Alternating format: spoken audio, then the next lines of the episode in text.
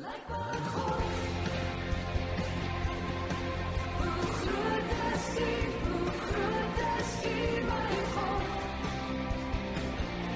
Wie is U gelyke?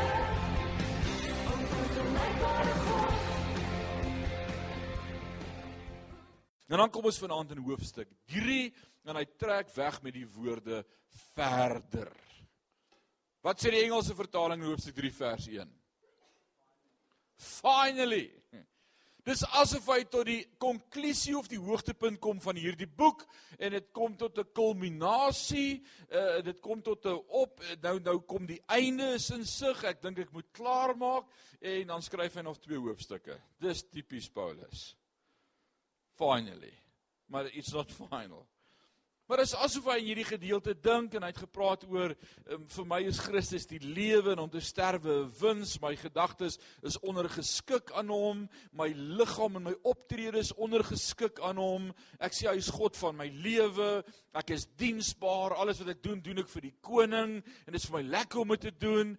En dan hier's die ophef van hierdie gedeelte, die oploop, die kulminasie daarvan. Waar gaan hy heen? Hy sê verder my broeders O ja, nou dat ek daaroor dink, verbly julle in die Here. Hy kom maar net weer by blydskap uit. Dis nie die eerste keer wat hy daaroor praat nie. Verbly jou in die Here. Wil jy dit saam met my sê? In die Here.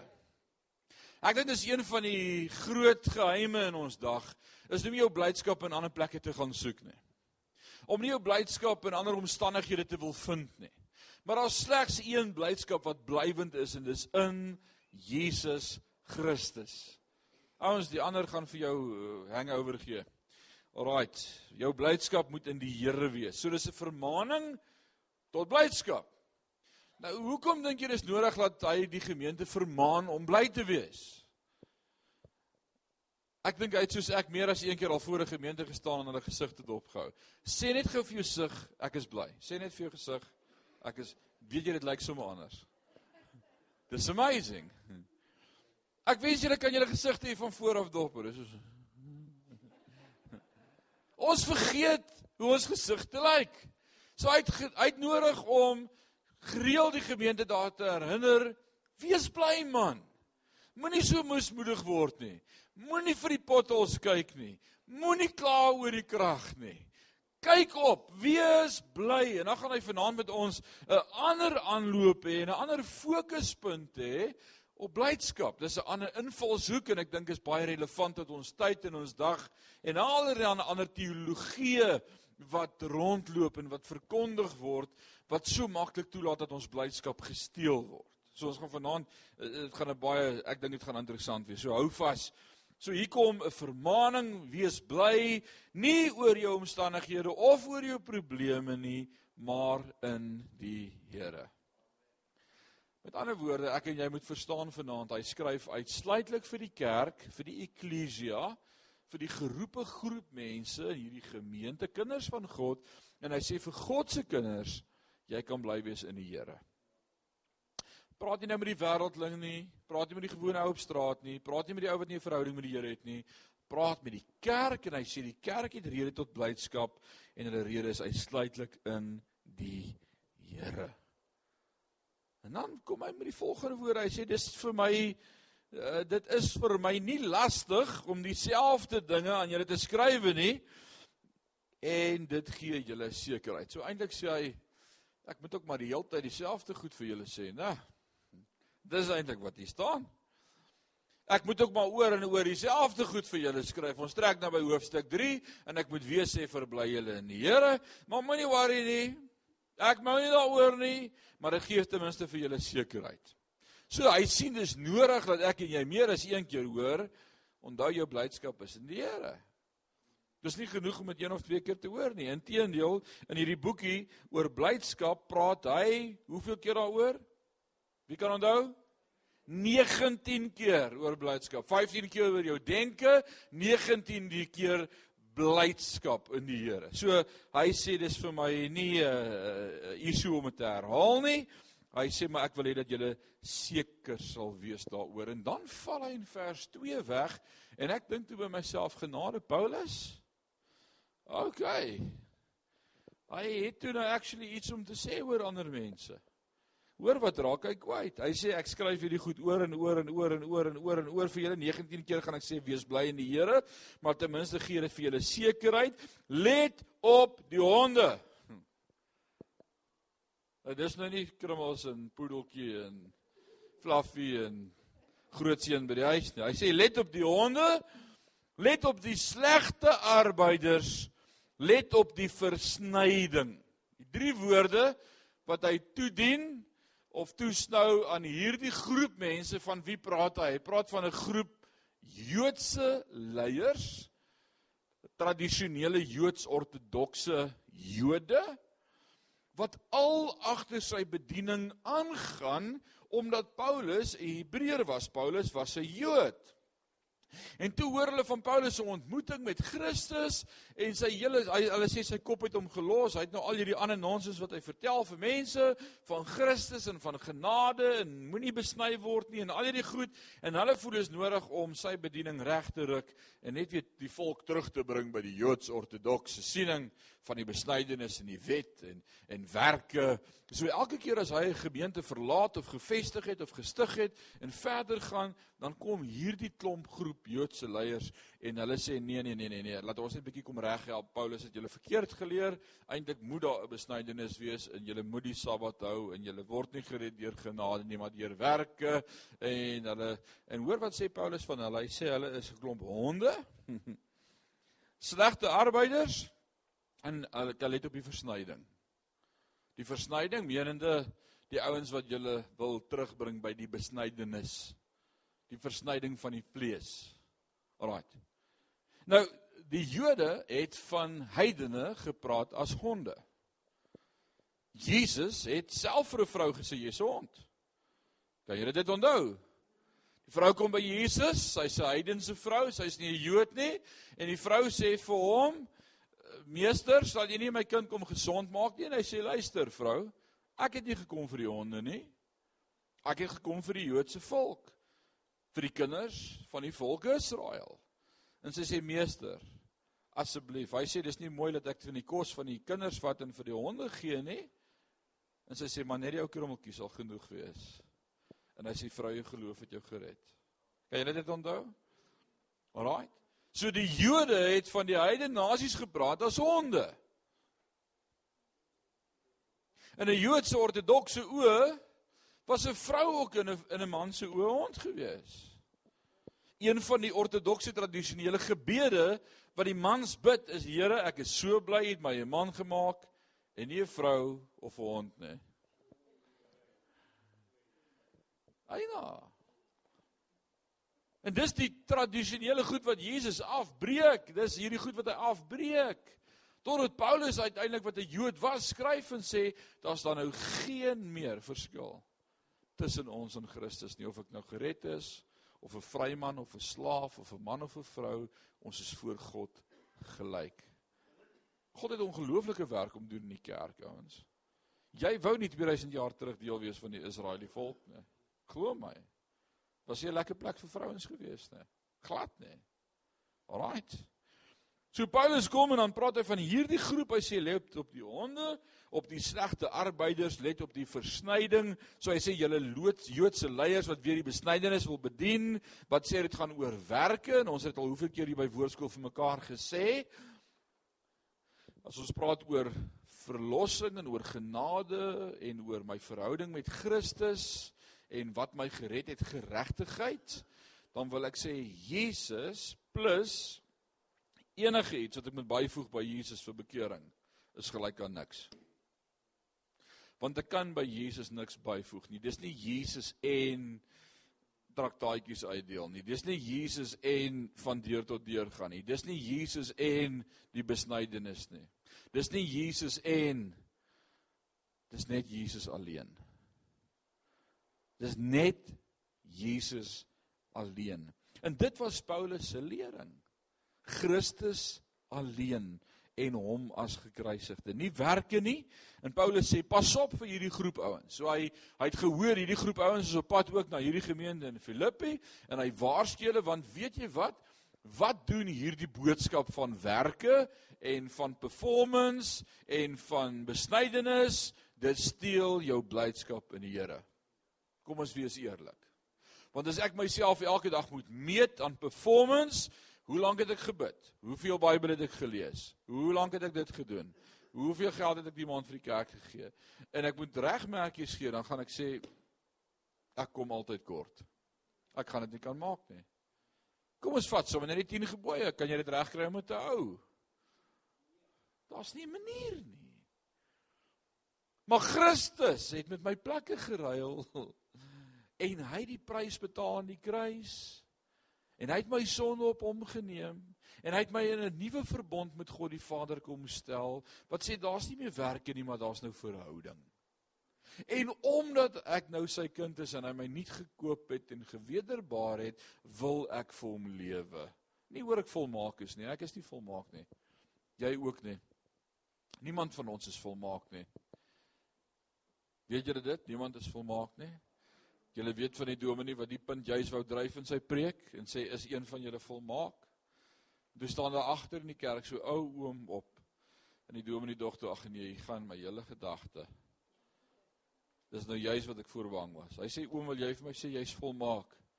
Hy sê dominee nee, maar my vrou se eerste man was volmaak. Ek moet dit die hele tyd hoor. Nee, ons is nie volmaak nie. Ons het issues. Paulus kom self en ons gaan dit in vanaand se teks sien.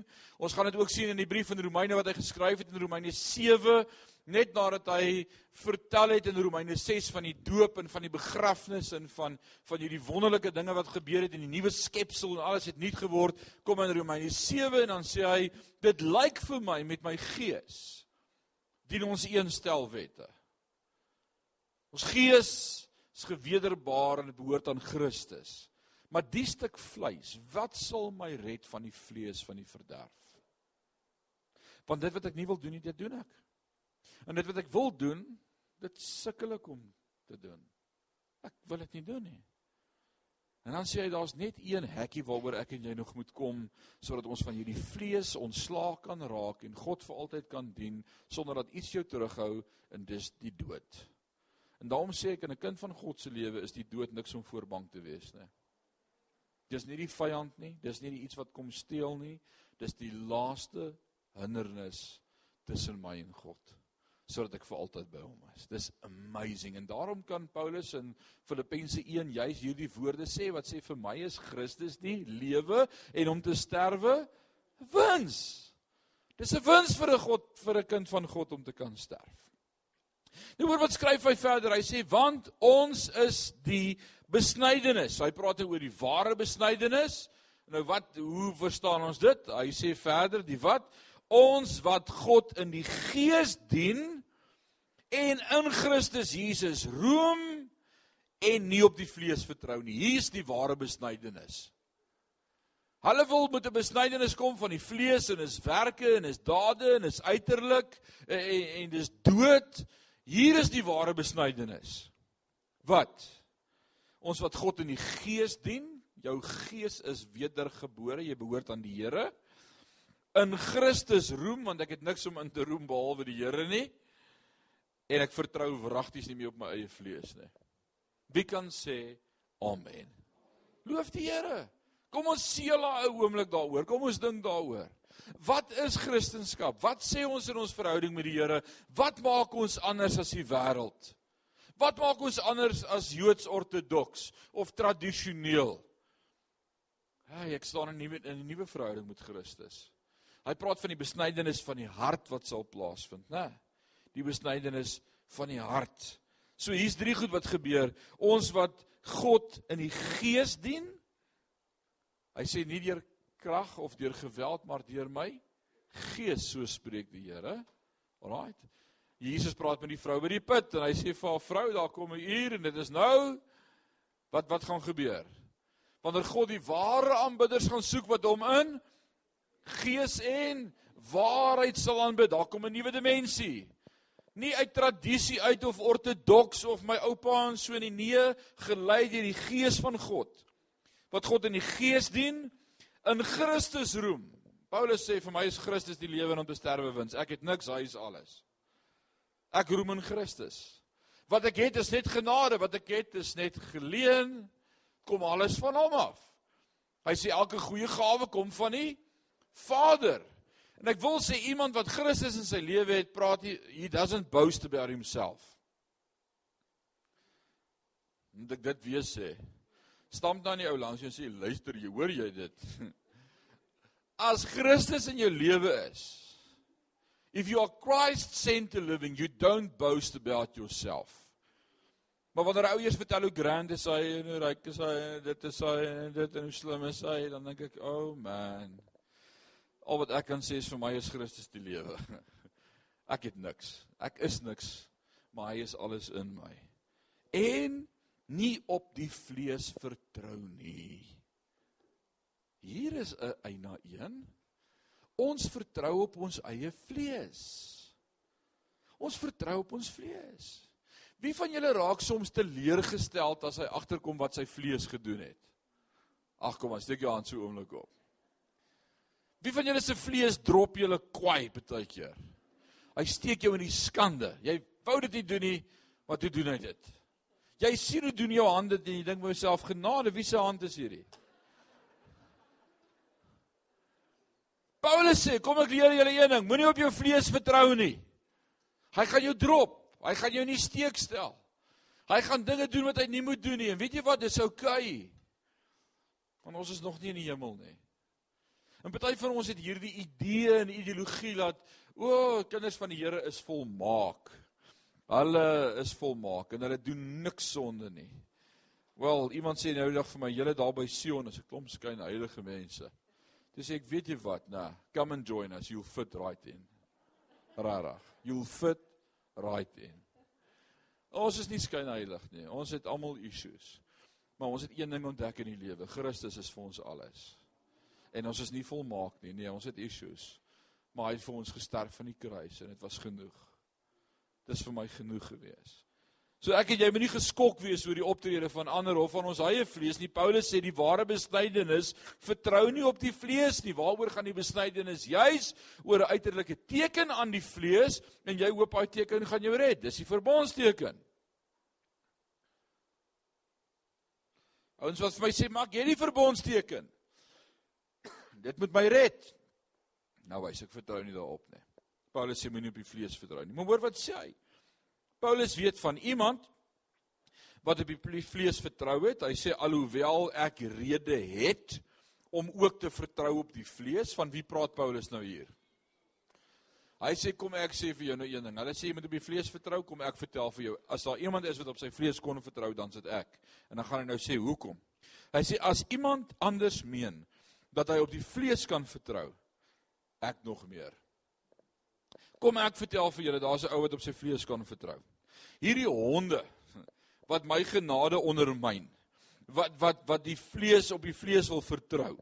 Ek sal hulle enige dag aanvat en my langs hulle stel en ek sal hulle beat. As daar een ou is wat kan breek oor werke, dan sit ek en hoor wat raak en alles kwaad. Hy sê ek is besny op die 8ste dag. Wat beteken dit? My ma en my pa was godsvreesend en het my grootgemaak volgens die Joodse tradisie in die weë van die Here. Op die 8ste dag was ek al in die tempel gewees. Hulle was voorbeeldige gehoorsame Jode. Uit die geslag van Israel, uit die stam van Benjamin. Nou hoeveel stamme het Israel? Israel het 12 stamme. Ons praat van die 10 noordelike stamme en die twee suidelike stamme. Op 'n stadium in die geskiedenis van Israel was daar verdeeldheid tussen twee konings en daar was ongehoorsaamheid en 10 van die stamme het gesê nee, ons gaan eerder saam met hierdie koning in die noorde intrek. En die twee suidelike stamme, wie was hulle gewees? Benjamin en Juda het gesê ons doen wat reg is in die oë van die Here. Ons gaan nie staan vir hierdie verkeerde goed nie. Ons vertrou op die Here. Nou roem hy daarin. Hy sê ek was nogal uit die geslag van Benjamin, die loyale twee stamme van die suidelike gedeelte. 'n Hebreër uit die Hebreërs. Wat beteken 'n Hebreër uit die Hebreërs? Skrifgeleerde, opgevoed in die taal, taalkundig en teologies was ek bekwam onderrig as daar een is wat kan praat van teologie dan is dit ek. Wat die wet betref, ek was 'n fariseer. Nou 'n fariseer, wat beteken 'n fariseer? Kyk, hierdie ouens kon die wet gehou het tot op die letter. Hulle was omtrent so 'n groep van so 6000 mans gewees in Israel en hulle het die wet letterlik probeer hou soos wat die wet sê. As die wet sê in die Ou Testament dat jy nie op die Sabbatdag verder as 50 myl mag loop nie, anders sou dit as werk gesien word en dan moet jy by jou huis wees. Dis nie net vir 50 myl loop nie, na 50 myl moet jy by jou huis wees anders is dit werk en dan jy mag nie op die Sabbat werk nie. Nou wat hulle gedoen het is hulle het gaan sit en dink en gemediteer daaroor en gesê nou watter plan kan ons maak om die wet te omseil tog die wet te hou? Baie maklik. Elke 50 myl sou hulle vir hulle so klein shack opgeslaan het, vier pale met 'n dakkie en 'n paar kante en gesê hierdie is my huis. En 50 myl verder die volgende huis en 50 myl verder die volgende huis. En so kon hulle op die Sabbat loop net waar hulle wou wees op die Sabbat sonder om die wet te hou en die wet te hou. Dit was wat die Fariseërs kon doen. Hulle het kop onderste bo geloop. Het jy al gesien in Israel die ortodokse Jode loop so? Hulle is te bang hulle sien vrouens. Regtig. Hulle is vir 'n vrou vrek bang. En as jy alleen is, dan hardloop jy nog nader en jy stamp aan hulle. Dan krap jy nou sy hele naweek om. Alraai, net Alena. ons is in Israel die aand in die mark. Dit was die donderdag aand gewees. Dis ons in die mark daar by in Ben Yehuda straat in Jerusalem en ons koop by die mark 'n paar goedjies en hierdie Joodse rabbi for some reason los hy sy sakkie by die stalletjie waar hy nou net goed gekoop het en hy vat net sy ander stalletjie. Ortodoks aangetrek, swart, swart hoed, swart alles. Swart toekoms. en, en hy stap weg.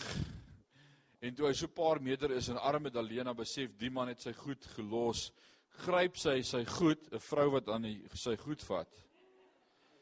Kyk, dis nou onrein vir die volgende 7 dae.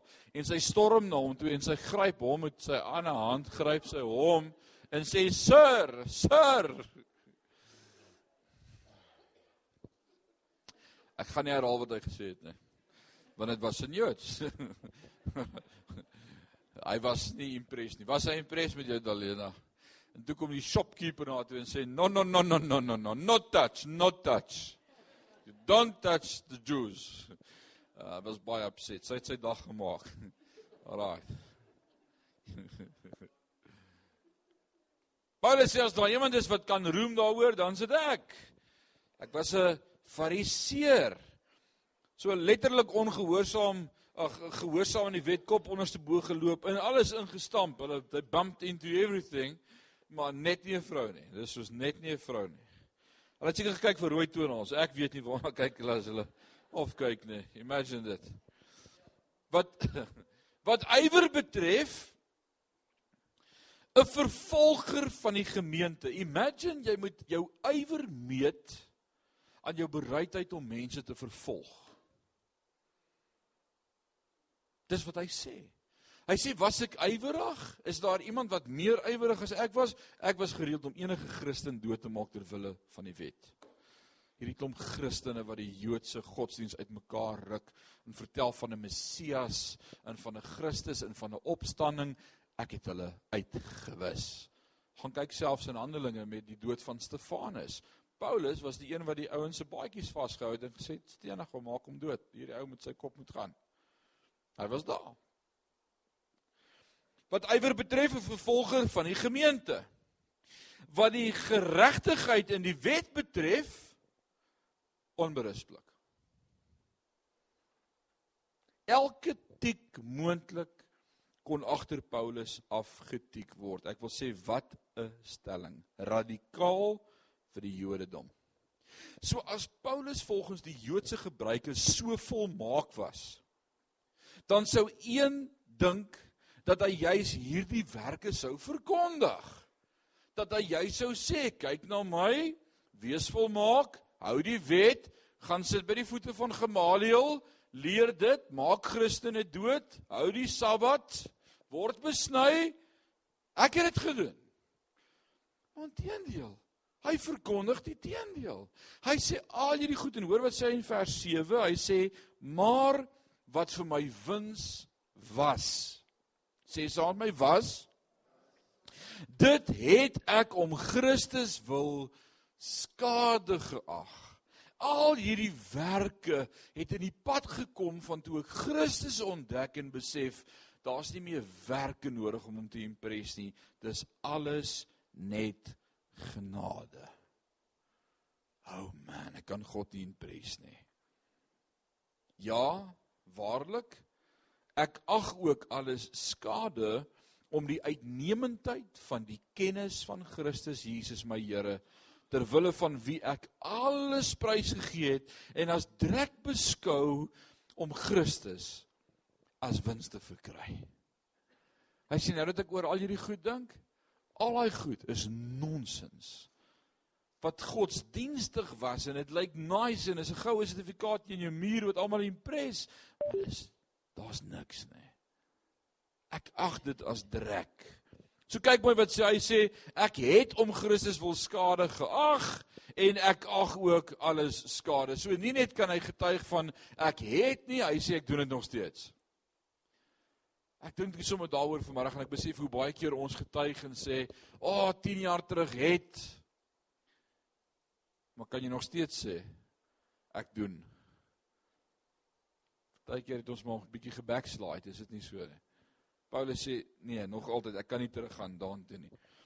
So dis vir my genoeg om te sê Christus het alles nuut gemaak en hy doen dit nog steeds om die uitnemendheid van die kennis van Christus Jesus my Here ter wille van wie ek alles prys gegee het en as drek beskou om Christus as wins te verkry.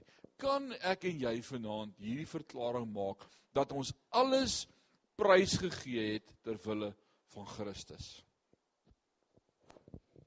Dink gou aan die volheid en die implikasie van sy stelling. Wat beteken dit vir Paulus as hy sê ek het alles prysgegee? Ek was 'n Joodse leier. Ek was 'n volksleier. Ek was deel van die Sanhedrin.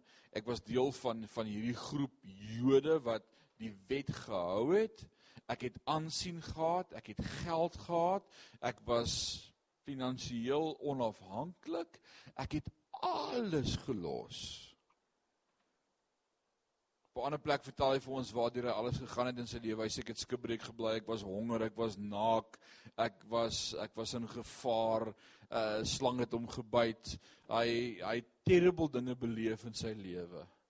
Maar hy sê ek het Christus verkry as die lewe. En daarom kon hy sê in hoofstuk 1 vir my is Christus die lewe en om te sterwe 'n ek dink in die kultuur waarin ons lewe en die dag waarin ons lewe weet ons nog nie regtig wat dit beteken om soos Paulus dit te kan bely nie. Ek ek dink nie jy het 'n klou nie. Jy het iewers onder 'n kopkussing of onder die bed 'n blikkie met 'n paar rand in nog of jy het 'n tannie en jy gaan erf of jy jy kan staat maak op jou eie vermoë of of of jy darm nog 'n bietjie vleis in die vrieskas vir 'n week of Paulus sê ek het niks. Maar ek het een ding en ek het alles, ek het Christus. En hy wat die seun het, het die lewe en ek glo dit. Ek het alles. Hy het geglo dat dit wat Jesus geskryf het in Matteus 6 en gesê het moenie julle bekommer oor die dag van môre of wat julle sal eet, drink of aantrek nie. Hy het geglo dis die waarheid. Met sy lewe. Hy klim op 'n boot, die boot sink. Die Here sê vir hom ek sal jou red en almal ter wille van jou spoel uit op 'n eiland. Daar was niks niks saam met hom nie. Dis al wat hy het in sy lewe. En hy sê my lewe is Christus en Christus is vir my my lewe. En as ek moet sterf, oh, bring dit aan. Dan gaan ek huis toe. Ek en jy hou te vas aan hierdie lewe. Dan dalk het hy die liedjie geskryf wat sê I found Jesus. En as jy hom gevind het, het jy alles. Luister 'n bietjie na die storie wat wat Jesus vir ons in Lukas 13 vertel. Hoekom ek en jy op daai plek wat ons ook kan sê hy is vir ons alles. Christus is vir ons alles. In Lukas 13 vanaf vers 6 vertel Jesus hierdie storie hy sê en en hy het hierdie gelykenis uitgespreek. 'n Man het 'n vyeboom gehad wat in sy wingerd geplant was. En hy het gekom en vrugte aan daardie wingerd gesoek en niks gekry nie. Toe sê hy vir die tuinier: "Kyk, 3 jaar kom ek om vrugte aan hierdie vyeboom te soek en ek kry niks. Kap hom uit." Waarvoor maak hy die grond nog onvrugbaar? Maar die tuinier het geantwoord en vir hom gesê: "Meneer, laat hom nog hierdie jaar staan totdat ek hom gespit het en misgegooi het." En dan check jy. Wie's wie in hierdie storie? Wat is die boodskap in hierdie storie? Die tuinier is die Heilige Gees, die een wat in my en jou lewe 'n werk van God bewerk wat spit in ons lewe. God die Vader, die Heer, en hy soek vrug in my en jou lewe. En Vader sê vir die Heilige Gees, jy wat hierdie ouetjie het nie vrug nie, kap hom net uit en die Heilige Gees sê gee net nog 'n jaar. Ek gaan bietjie spit in sy lewe en ons gaan vir hom misgee en hy gaan groei. En is dit nie amazing nie? Dis wat God met my en met jou doen. Hy spit om ons lewe en ek weet nie wie van julle se boomwortels is al raak gespit. Kom aan, jy het hierdie week gesê dis nie lekker nie. Hoekom moet ek deur hierdie moeilike dinge gaan? Hoe lank moet ek nou nog hier wees? Daar word gespit om my, dat die stof staan.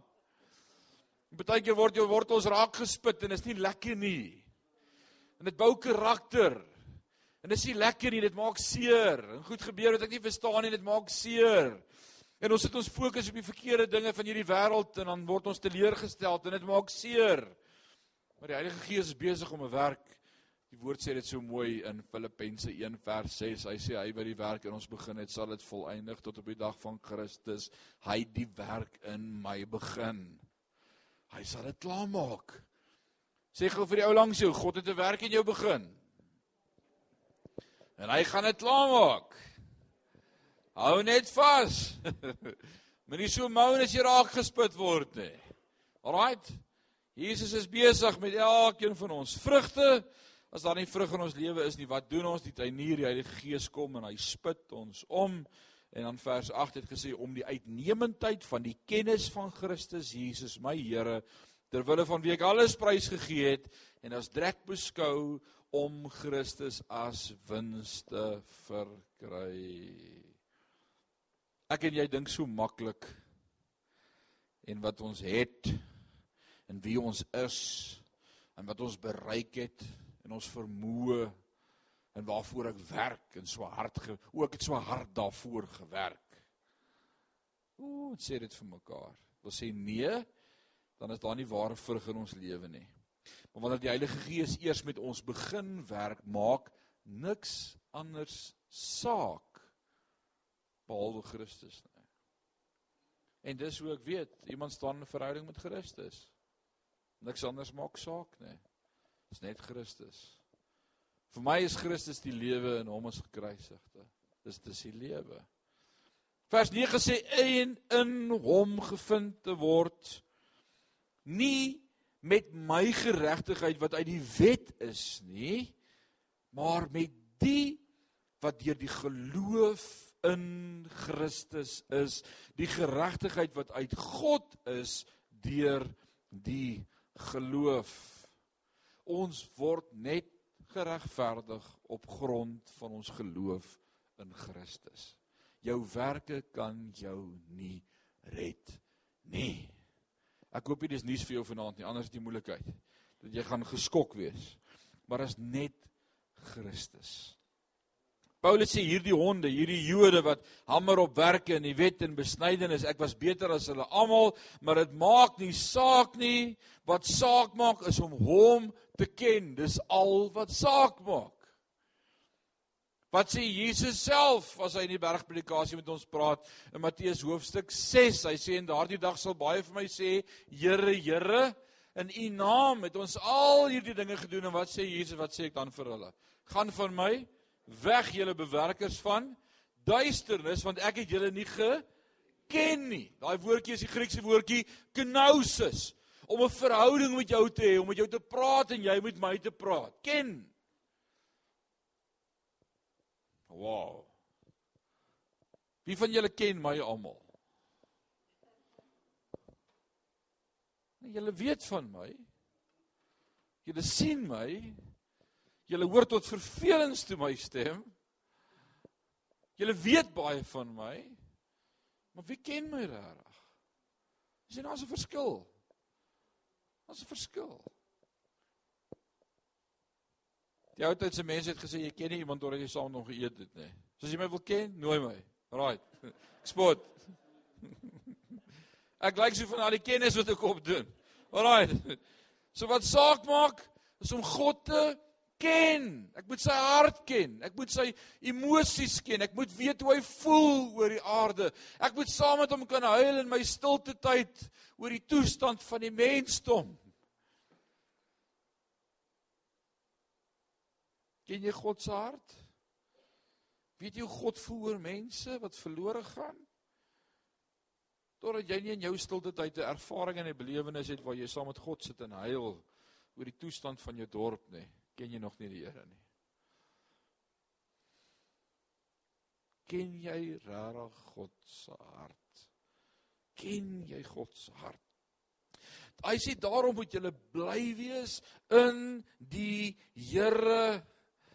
Dis die werk wat hy vir ons gedoen het en nie ons nie. Dit gaan alles oor hom. Ek wil gou vir jou 'n sang speel. Nou hierdie is uh, een van die songs en ek doen dit maandagooggende probeer ek dit by die vroue wat hier doen. Ons moet 'n speaker daar kry, maar die Here werk met my met songs. En as ek dink aan hierdie gedeelte sover en wat Paulus gesê het, dan dink ek aan 'n song en ek en my vrou was nie lank getroud nie. Dis nie nou nie, ons is al jare getroud, maar ons was nie lank getroud nie. Toe toe hierdie song vir ons in ons lewe en ons geestelike lewe baie beteken en, en ek wil dit vanaand met jou share. Want wat gebeur as ek dink Sela aan die goedheid van God aan waar ek was en alles wat hy vir my gedoen het. Wat, is die resultaat daarvan in my en jou lewe? Hier kom dit. Nie bang wees vir my. When I think about the Lord, how He saved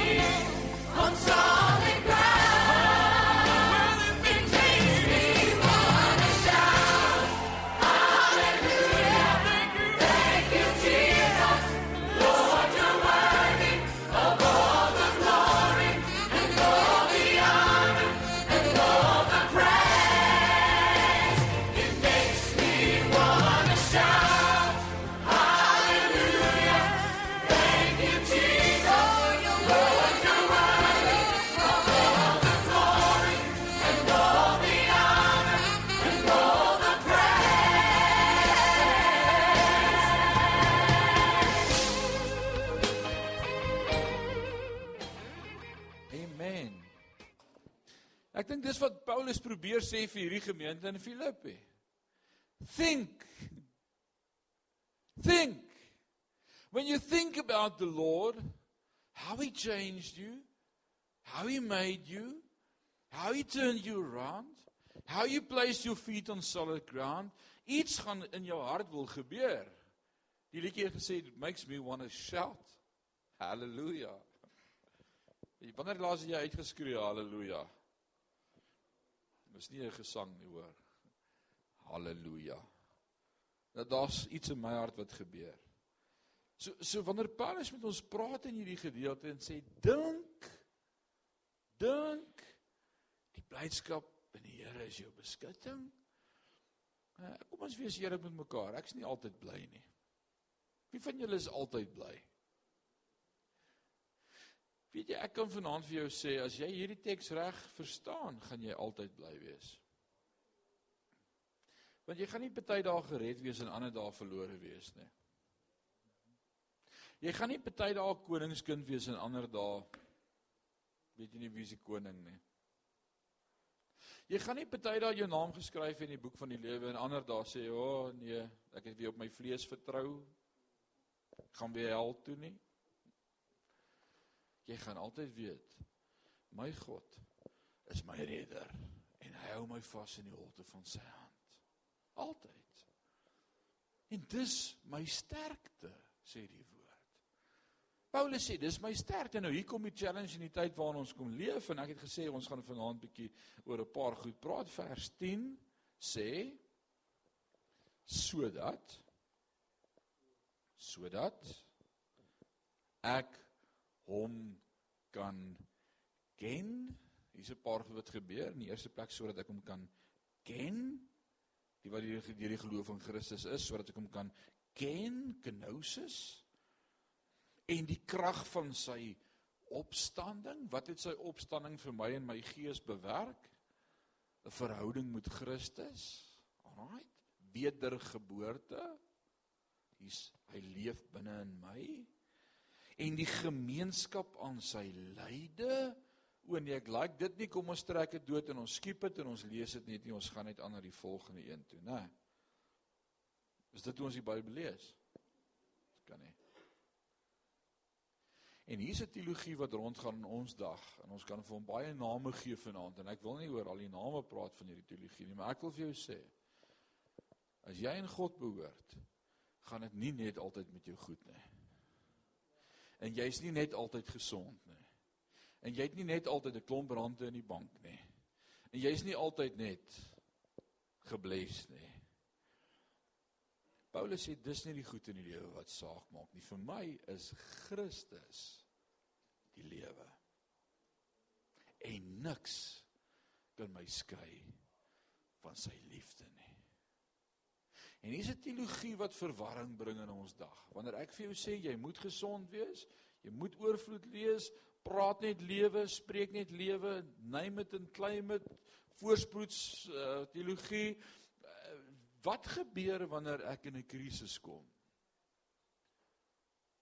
Ewe skielik twyfel ek in my geloof. Want waar's die fout dan? Wat het ek verkeerd gedoen? Is God nou nie meer daar nie? Is is is is God nie ernstig oor my nie? Het ek het ek sonde gedoen? Jy sien hier kom 'n geloofskrisis dan. Hierdie woord kom vanaand en hy sê sodat ek hom kan ken en die krag van sy opstanding en die gemeenskap aan sy lyde. Ek hoor nie baie preke oor gemeenskap aan sy lyde nie. Maar Paulus sê ek kan bly wees in die Here. Hy is my beskutting. Vir my is Christus en om te sterwe 'n wins en ek kan aan sy lyde kan ek ook gemeenskap hê. Onthou, hy skryf uit die tronk uit. Vasgeketting aan wagte 24 ure 'n dag. Geen privaatheid nie. Gestroop van alles wat hy gehad het in die lewe ek en jy se hoop opgegee het en gesê het nou waar's God dan as God God is hoekom laat hy hierdie dinge toe Paulus sê nee man ek kan nie bepaal of God God is na mate van hierdie ou paar goetjies nie my blydskap is in die Here Sou ek en jy dieselfde optree in sy omstandighede? Hy sê my blydskap is in die Here. Alraait. Wanneer ken ek en jy God regtig? Dan wil ek vanaand sê wanneer ek en jy deur moeilike tye gaan. Kom ons praat met mekaar. Wanneer ken jy God regtig? Wanneer jy deur moeilike tye gaan. wanneer daar nie mense is op wie jy kan staat maak of kan steun nie. Dit laat in die nag is en jy het net die Here om na uit te roep. Soos Dawid dalk bid, waar sal my hulp vandaan kom? My hulp is van die Here God wat die hemel en aarde geskaap het. Ek kan nie eers op my eie vlees vertrou nie want ek stel te leer, Here, ek is hopeloos. Maar U is amazing ons ons het die Here om aan vas te hou. Jesus sê hy wat die seun het, het die lewe.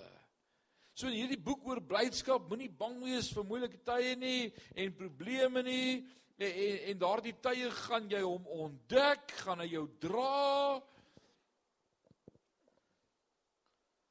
Ek dink in die Ou Testament aan 'n man wat roep en sê, "Was daar nie 3 van hulle net nou in die vuur oond gegooi nie? Hoe sien ek dan nou 4?"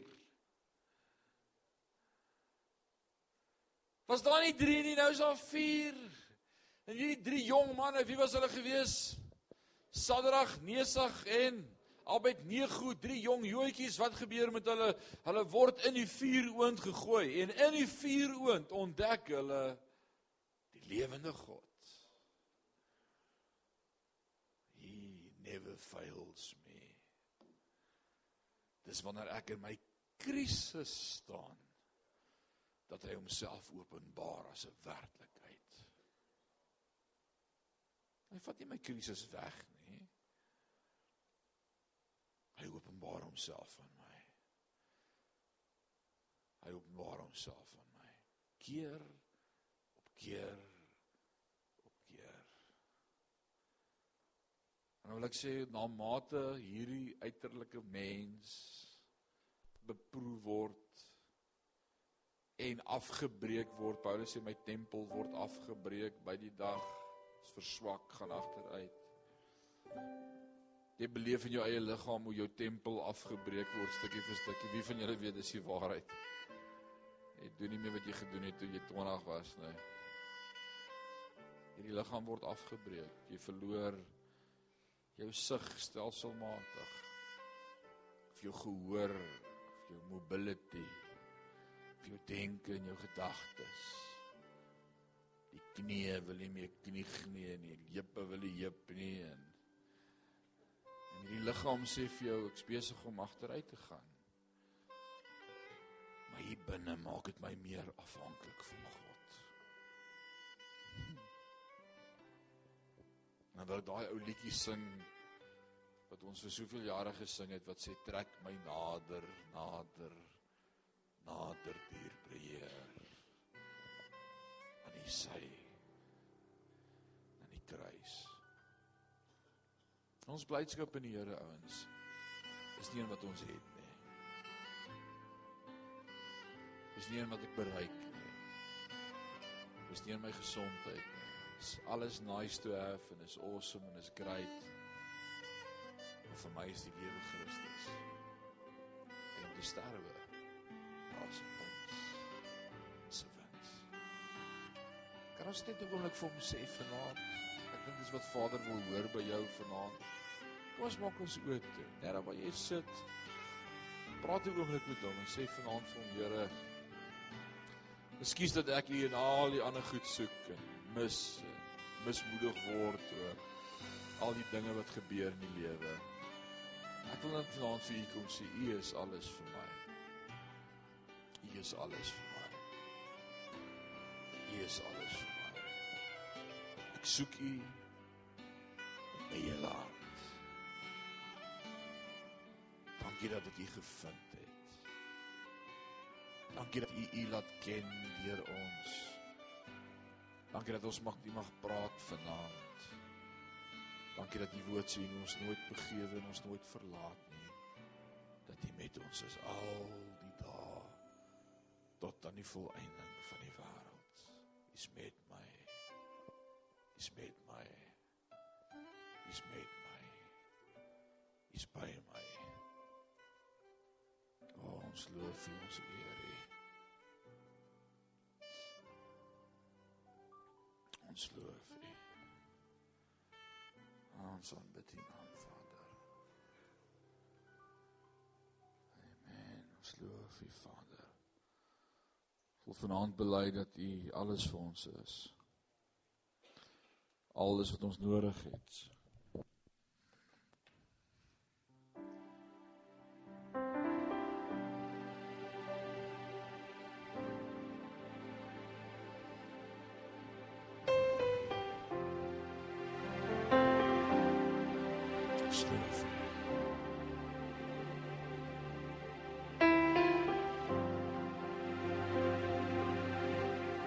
U is alles vir my.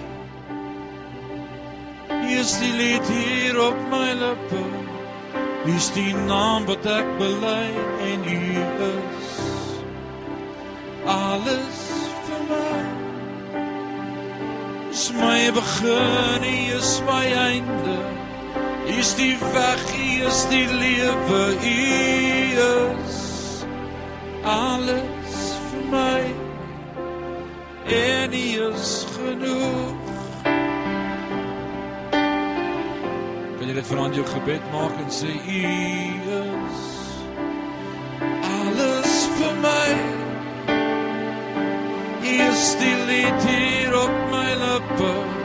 U is die naam wat ek bely en U is alles vir my is my begin, U is my einde. U is die weg, U is my lewe. U is alles vir my. En U is genoeg. Kom ons sing dit nog een keer vanaand as 'n belydenis en sê U is U is alles vir my.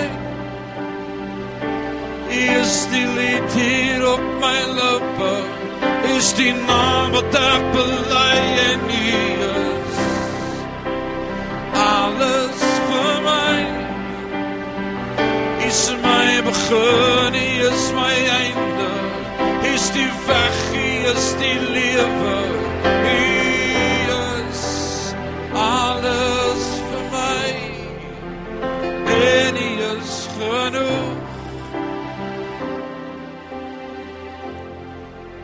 Vader, is maklik om vanaand 'n lied te sing met mooi woorde. Maar ek wil dit vanaand my gebed maak en sê Vader, U ken my hart. U is alles vir my.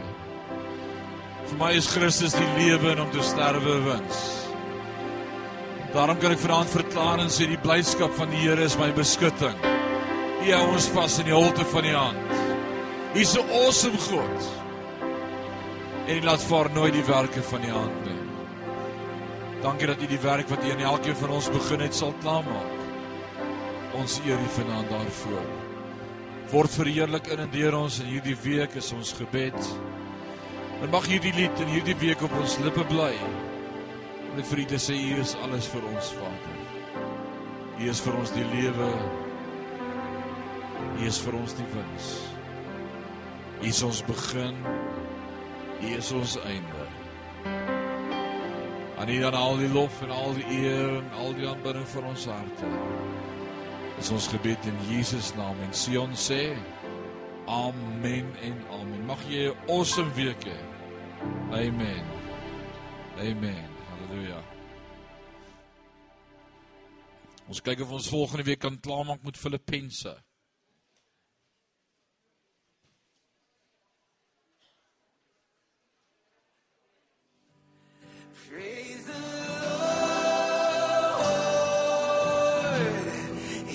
Mercy is more.